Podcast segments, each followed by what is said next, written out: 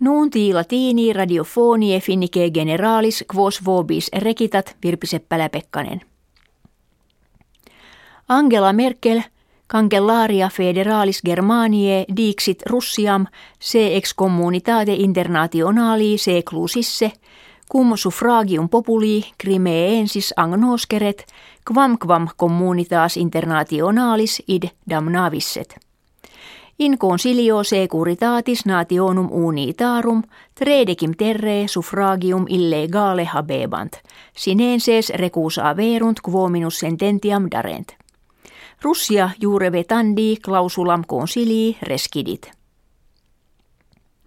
Die lune unio europea uni et viginti magistratibus russis et ensibus propter res – in Crimea gestas sanctiones posuit.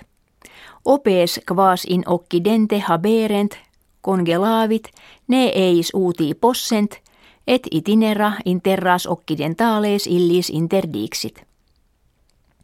Sanctiones etiam ab USA, Japonia, Canadaque posite sunt.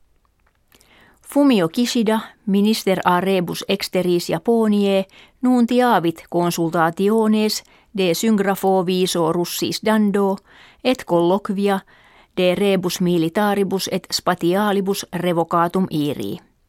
Kanada siikut USA magistratibus quide mutatione rerum crimeensium responsales essent itinera interdicendo et opes congelando similes sanctiones posuit.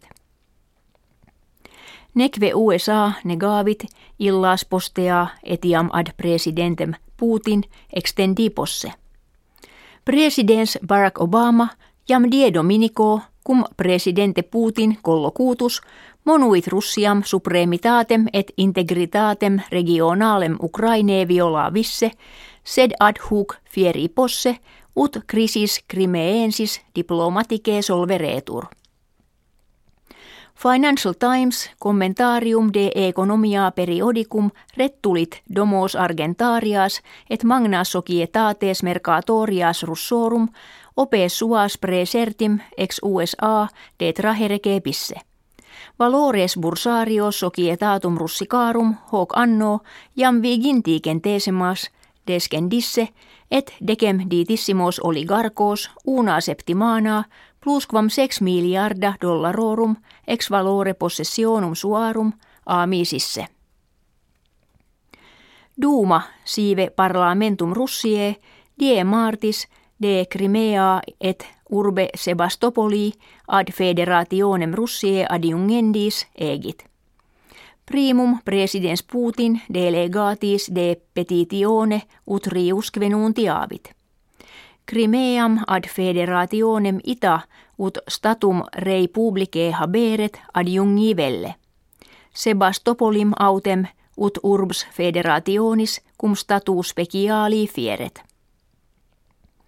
Oratione admodum contumaci Putin affirmavit suffragium populi in Crimea democratice et secundum jus gentium factum esse.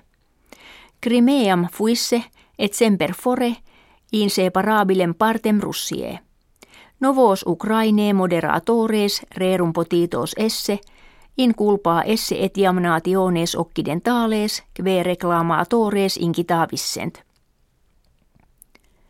Joe Biden, vicepresidens Americanorum, die mercurii Russian monuit, Americanos ad federatos suos defendendos, plenissime obligatos esse.